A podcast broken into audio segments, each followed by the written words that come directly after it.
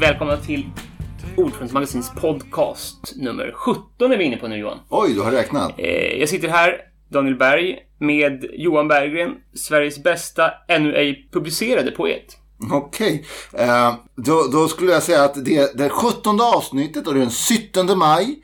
Och det passar bra att vi har en eh, avsikt att ringa upp en reporter med norskt påbrå. Det är Erik Halkjär, han är känd också som ordförande för Reporter utan gränser. Han har jobbat mycket för omvärlden. Sidas oberoende tidning. Han har haft ett uppdrag för Ordförande Magasin att åka till och skriva om Nicaragua. Mm. Det är ju nämligen så att sandinisternas gamla hemland, det som var föremål för mycken, eh, man säga, västlig eh, revolutionär eh, romantik men också handfast solidaritet på 80-talet efter revolutionen 79-80. Somoza, diktatorn, sedan flera generationer störtades och det mycket vanskötta och förtryckta lilla landet reste sig mot även USA och ehm, de tappra unga sandinisterna idoliserades. Eh, de döptes efter den gamla revolutionären Sandino från 20-talet. Eller han var ju en liberal general, bara det att han stod upp mot USA, vilket prisas väldigt på den här sidan av eh, världen. I Centralamerika så är man ju då som bekant USAs bakgård sedan faktiskt 1800-talet och Monroe-doktrinen. Och USA har alltid sett till att regeringarna där och överhuvudtaget styret är i deras eh, kontroll. Och så är det ju fortfarande. Även under Obama-regeringen så kuppades ju till exempel valet för ett par år sedan, två år sedan nu är det, i Honduras av en eh, styrande korrupt elit. och eh, den oerhört liberala och fina Hillary Clinton som utrikesminister i USA då tyckte det här var helt okej. Okay. Obama lyfte inte heller många av sina otroligt rättskaffens ögonlock. Sedermera så drev det på situationen i Honduras ännu mer karavaner av vandrande migranter mot USA. Jag menar, det bor redan några miljoner honduraner i USA så det här var ju ingen överraskning. Men då fick den nuvarande amerikanska presidenten Donald Trump en chans att spela lite populistiskt skrämselspel med de här fattiga stackarna som sökte lite jobb. Och i skymundan av, kan man säga, de här äh, uppblåsta eh, eller väldigt medieuppmärksammade gränskonflikterna Mexiko-USA där centralamerikaner försöker ta sig in och blir separerade från sina barn och allmänt illa behandlade. Och i skuggan av även stora konflikten i Venezuela där USA också flexar musklerna och eh, inhemsk halvdiktator Maduro missköter landet in till svältens gräns så händer det saker i Nicaragua. Och i Nicaragua har då den gamla sandinistpresidenten Daniel Ortega som förlorade makten i allmänna valen 1990 och luften gick lite ut den västerländska solidaritetsrörelsen. Han lyckades efter 16 år, 2006, ta tillbaks makten igen i allmänna val. Sen dess har man inte kunnat känna igen de gamla progressiva sandinisterna särskilt mycket. Och eh, Sverige har också avslutat i stort sett sin ganska vidlyftiga biståndsverksamhet eftersom eh, progressiv politik, det är inte Daniel Ortegas melodi längre. Och det märktes riktigt rejält förra året när landet Nicaragua kom nära inbördeskrigsliknande situation. Som sagt, lite grann i utrikespolitisk och utrikesjournalistisk skugga. Men Erik Halker, han har varit där och nu ska vi ringa upp honom och prata lite om den artikel som han skriver till nästa nummer, sommarnumret av Ordfront Magasin. Hallå? Ja men hej Erik, det är Johan Berggren. Tja, tja. Hej, jag sitter här med Daniel Berg och vi spelar in podd. Hej hej.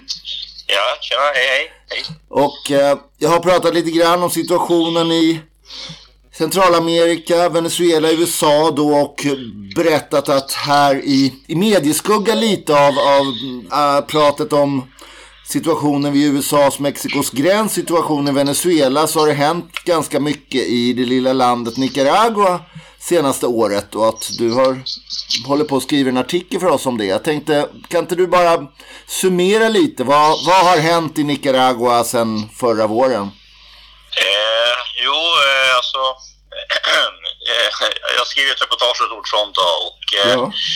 det handlar ju i, i stort sett om att eh, den, eh, i april förra året, den 18, så inleddes det protester mot eh, regimen eh, Daniel Ortega eh, och den sittande FSLM-regeringen. Och de här protesterna, ja, de eh, exploderade. Det blev som en social explosion. Hur kommer det sig att de började till att börja med? Vad, vad protesterar man mot konkret? Alltså, det, det, det, den gnistan var ju en pensionsreform, alltså en reform av socialförsäkringssystemet som Mm. helt enkelt gick ut på att fler skulle betala mer pengar till staten och pensionärerna skulle få mindre pengar. De enda som gick villigt gla- glada ur den dealen var ju staten så att säga. Om Ja, ja. hade genomförts, för de, de eh, skrotade det förslaget när protesterna spårade ur. Ja. Men det, det var ju bara en tändande gnista.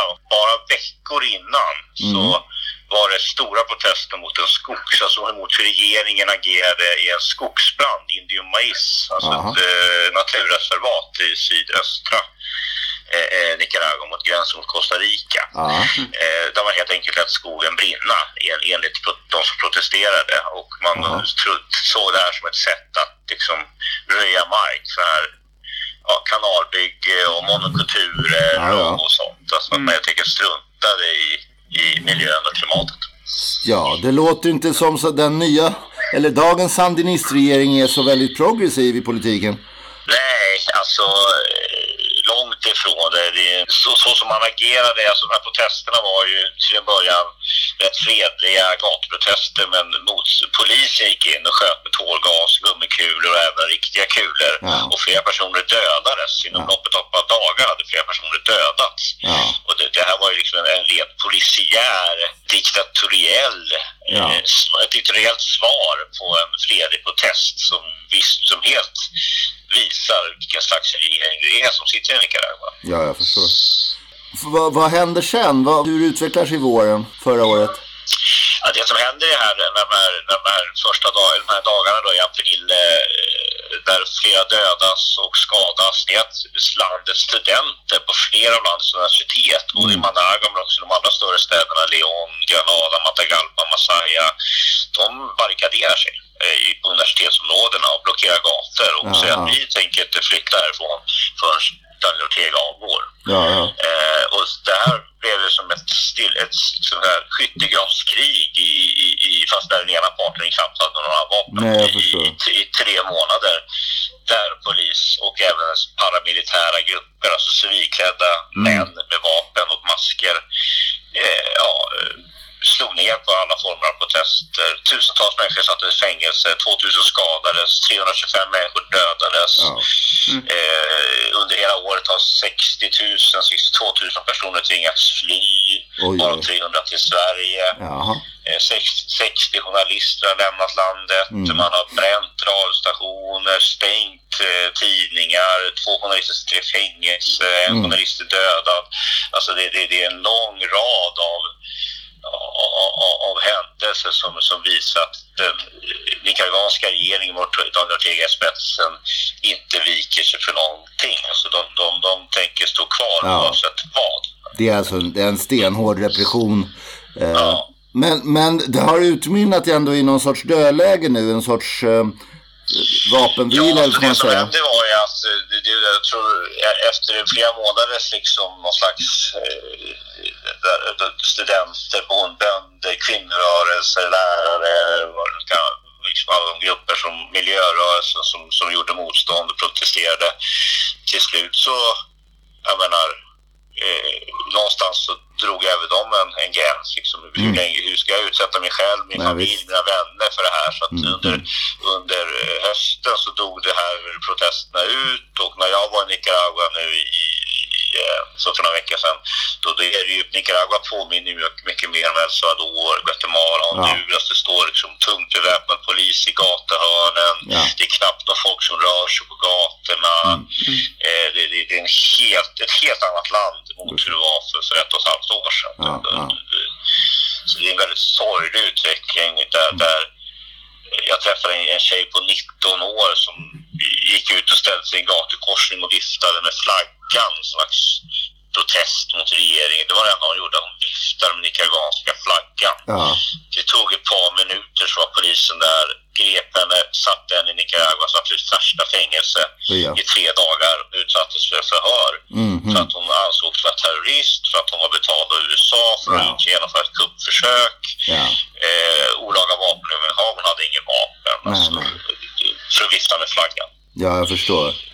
Så det är oerhört spänt och eh, vad man kan säga, är inte det här på något sätt också så här, vad gör Sverige? Vad, det här måste ju vara pinsamt för åtminstone vissa delar av Sverige. Eller jag menar, det finns ju ändå, som du skriver i artikeln, under åren har ganska mycket bistånd gått ut till Nicaragua, bland annat till att försöka reformera rättsväsende och polis som eh, Ja, ja, nej, men i Sverige betalar ju vad var det nu, vad ska jag säga, 6,8 miljarder, alltså, det- det- det- det är miljarder kronor under 30 år, 1979 till 2009 i bistånd. Ja. Som framförallt gick det, det gick, det gick mycket till skogsbruk, lantbruk, eh, infrastruktur.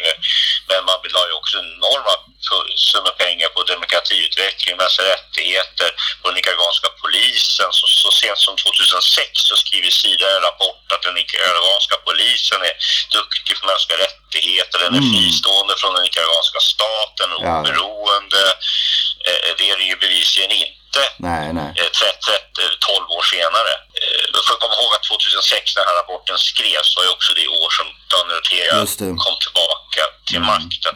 I Sverige, bara för att svara på din fråga, Sverige har ju haft ett litet bistånd. Det statliga svenska bilaterala biståndet avslutades 2009 men sen Ja. har ju enskilda organisationer, Diakonia och Effekt, eh, andra organisationer haft ett litet bistånd då. Men, men förra året i och med de här händelserna så gick faktiskt Sida in då med, med lite pengar, 10 miljoner kronor i bilateralt eh, bistånd då för första gången på 10 år.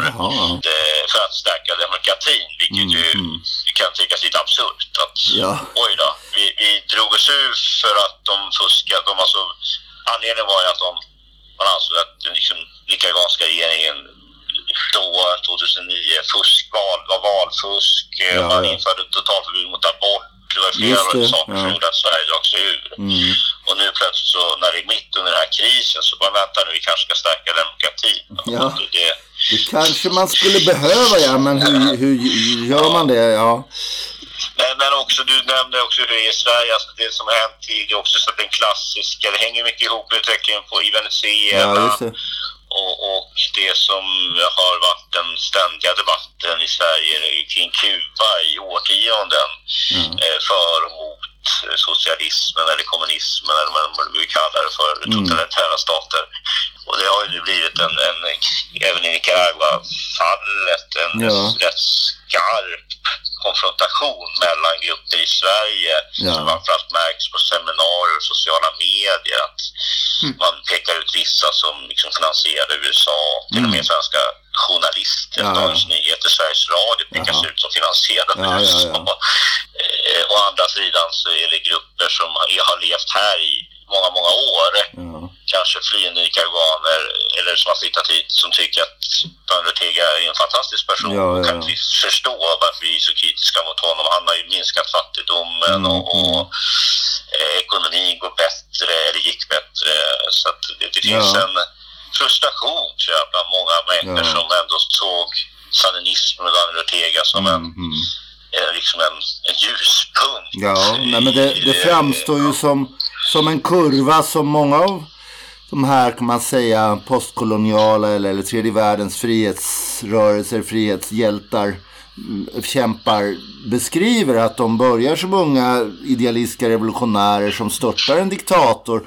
Ja, det, man kan säga att den sandinistiska revolutionen var väl begriplig och behövlig men just det här att man över åren blir mer och mer av en styrande e-, egen elit som, jag menar sen 2006 så är det ju inte precis några progressiva reformer som har skett i, i, i Nicaragua. Du nämner ju du nämner det här med det totala abortförbudet. Det var ju inte precis eh, de unga Nej, det, revolutionärernas... Eh, det, det är ju en, eh, om man kanske inte, alltså, det hade ju varit fint om revolutionen, den sandinistiska revolutionen hade stannat 99, eh, 90 när man förlorade valet. Och så Ja. hade man som sagt, ja men nu har jag gjort vårt och nu får vi se hur det går. Liksom. Ja. Eh, Men, men det fanns ju en, en, en ambition från David Ortega redan valet därefter att, att ställa upp. Så han har ju ställt upp på varenda val sen Ja, dess. jag förstår. Och jag har liksom haft ett sug efter att få genomföra vad det nu han har haft drömt om eller så.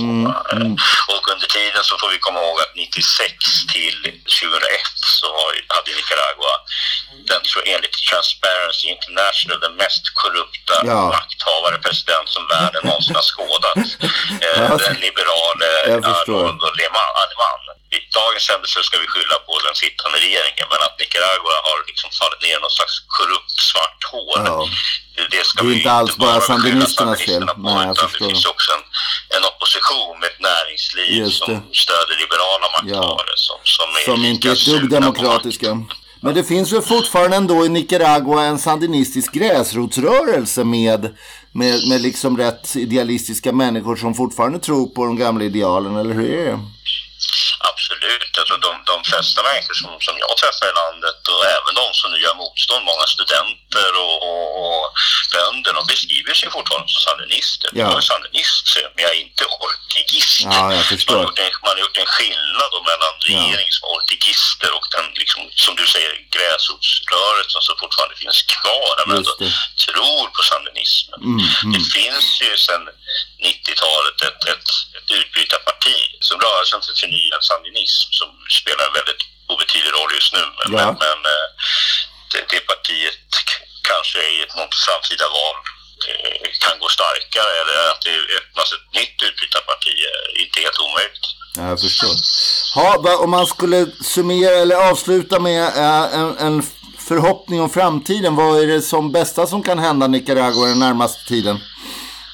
Eh, Det absolut bästa vore ju om, eh, om faktiskt Daniel Ortega avgick och, och tog sitt förnuft till fånga och sa att eh, okej, för landets bästa så avgår jag och så löser vi det här. Men det kommer nog tyvärr inte hända. Och då är nästa alternativ att det är presidentval 2021 och att oppositionen samlar så pass mycket kraft och lägger stridsyxorna åt sidan och satsar ordentligt och gör enligt böckerna snyggt och korrekt eh, och ja, eh, lyckas liksom samla sig för att skapa en, en, en, en annan slags regering som vill något annat. Eh, Men då kommer omvärlden behöva visa sitt stöd och Ja. backa upp. Och, eh, Det och det- i- just, just idag så känns det inte riktigt så. Det efterfrågas i Nicaragua. Liksom, vad gör EU? Vad Ja. gör USA? Ja, ja. Det, det, det talas om sanktioner men det händer inget. Nej, Det är många som. Men om man ser från svenskt håll, om man känner sitt gamla solidariska Nicaragua-hjärta klappa, vad, vad, vad skulle man kunna göra? I stort och i smått? Ja, jag tror att det som, som redan sker men som man skulle kunna stödja det, det finns ju grupper i Sverige, Nicaragua, exil-nicaraguaner men också gamla svenska solid, Nicaragua solidaritet, solidaritetsarbetare Ja. som, eh, som försöker påverka både svenska regeringen men också FN och EU eh, genom olika rapporter eller liksom brev eller så. Det är klart man skulle kunna återskapa de här gamla solidaritetsgrupperna. och, eh, men, men då ta ett tydligt avstånd från, från partipolitiken så att säga. Ja, just det. Eh, Det tror jag man skulle kunna göra och, Ja. och trycka på att Sverige, vi, vi, vi la ner 7 miljarder skattepengar under 30 år. Ja. Ska vi liksom inte, ja, vi satsade de här pengarna i, i det här företaget och de gick jättedåligt. Det är inte så att jag går och glömmer det utan jag vill att företaget ska gå bättre. Precis, Eh, precis. Så att jag får valuta för pengarna och Ja. vinst. Alltså, så det, det är lite så kan man ju se det också. Ja, ja, vi får kanske hoppas att den svenska regeringen och Sida kanske får upp ögonen att de kanske har lite inflytande ändå, eller? Vad tror du? Ja, alltså jag tror Sverige, den sittande ambassadören Anders Kompass, Ja, som just ju. Var biståndsarbetare i, i 80 på 80-talet. eh, Och det finns ju andra personer på Sida UD Ja. som var med. Annika Söder. Karin Jämtin på Sida. Ja. Alltså, det finns ju personer som, som av den nicaraguanska regeringen ändå är ihågkomna som vänner. Mm. Ja. Så att, och Pierre Schori spelar fortfarande, tror jag, en liten eh, i skuggorna en roll. Så Ja, ja. det, det, det, det, finns, tror jag, möjligheter för Sverige att påverka om man, om man verkligen vill.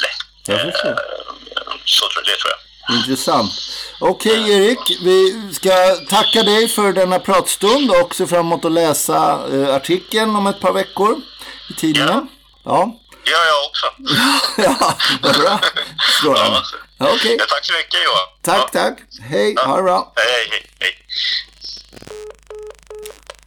Och det var alltså Erik Halkjär som har varit i Nicaragua på uppdrag från Nordfront Magasin och ska skriva om eh, läget där och men också historien om hur Daniel Ortega, den gamle sandinistledaren, har kommit tillbaks som en mm, ganska rejält korrupt och eh, makthungrig, eh, snarare högerfigur fast klichéerna och eh, slagorden är liknande som förr i tiden så är det ju så att det här är väl helt enkelt en historia som i artikeln vi kommer att försöka skriva lite spekulativt om. Vad kommer det sig att de här, alla från Mugabe till Castro, frihetskämparna på något sätt går varvet runt och mer och mer kommer att likna den diktator de en gång bekämpade. Vad Har du någon kommentar där, Daniel? Varför blir det så här? En liberal skulle ju se, säga att det som händer så fort någon får makt utan att det finns eh, starka institutionella ramar för makten är att den makten korrumperar. Det skulle ju också en anarkist hålla med om. Mm. att eh, de här länderna, de har väldigt dåligt fungerande statliga institutioner och sådär. Och jag sitter och funderar på i vilken mån polisen eh, och militären är egna maktfaktorer. Hur mycket som är den biografiska personen Ortegas utveckling och vilken roll som den geopolitiska situationen med USA visavi Kina och dess nya intressen i Centralamerika har. Det är liksom olika aspekter som kan förklara en sån här utveckling. Både en biografisk utveckling av ledaren självt, en sorts moralisk förklaring, en statsvetenskaplig liberal förklaring av att det är institutioner som är sviktande och så, som gör att USA idag inte faller ner i diktatur för att det är väldigt, väldigt starka demokratiska institutioner som håller tillbaka de tendenserna i USA. Och sen så då de här geopolitiska aspekterna. Där Kina gör det möjligt för också Venezuelas president att hålla emot en internationell sanktion som skulle Ja. hindra de här länderna. Så. Ja, vad man i alla fall kan se i Nicaragua är att det fortfarande finns som är, har sina rötter i den sandinistiska revolutionen på 80-talet. Det finns folkrörelser, det finns kvinnorörelser, det finns bonderörelser, det finns studentrörelser. För landets studenter var det naturligt att när folkliga demonstrationer slogs ner brutalt var det naturligt att ockupera sina universitet och protestera även mot en föregivet sandinistisk president. Så man kan väl säga att det finns en eh, progressiv och eh, radikal, eh, radikal struktur kvar i landet. Även om, som du säger, trots stora investeringar från bland annat Sida, varken rättsväsende eller polis stod pall som sådana liberala checkpoints liksom för makten. Man ser väl i många länder att det är där det fallerar och det kan ju vara ett liberalt ideal att ha en fristående domstolar och fristående poliskår och hit och dit. Men förr eller senare så faller ju de bastionerna också hur fristående de än har varit för politiska påtryckningar och ekonomisk korruption. Nå, vi får se hur det går i Nicaragua. Vi hoppas i alla fall att ni har blivit nyfikna på att läsa Ja, ja. om detta i kommande nummer av Ordspråk Magasin som fyller 50 år Hurra! tillsammans med Bingsjöstämman och Rosa bussarna. Bara en sån sak. Oj! Ja, Summer of Love. Vi hoppas det blir en ganska kärleksfull sommar i år också. Hej så länge från Johan Berggren och Daniel Berg. adjö. Adjö.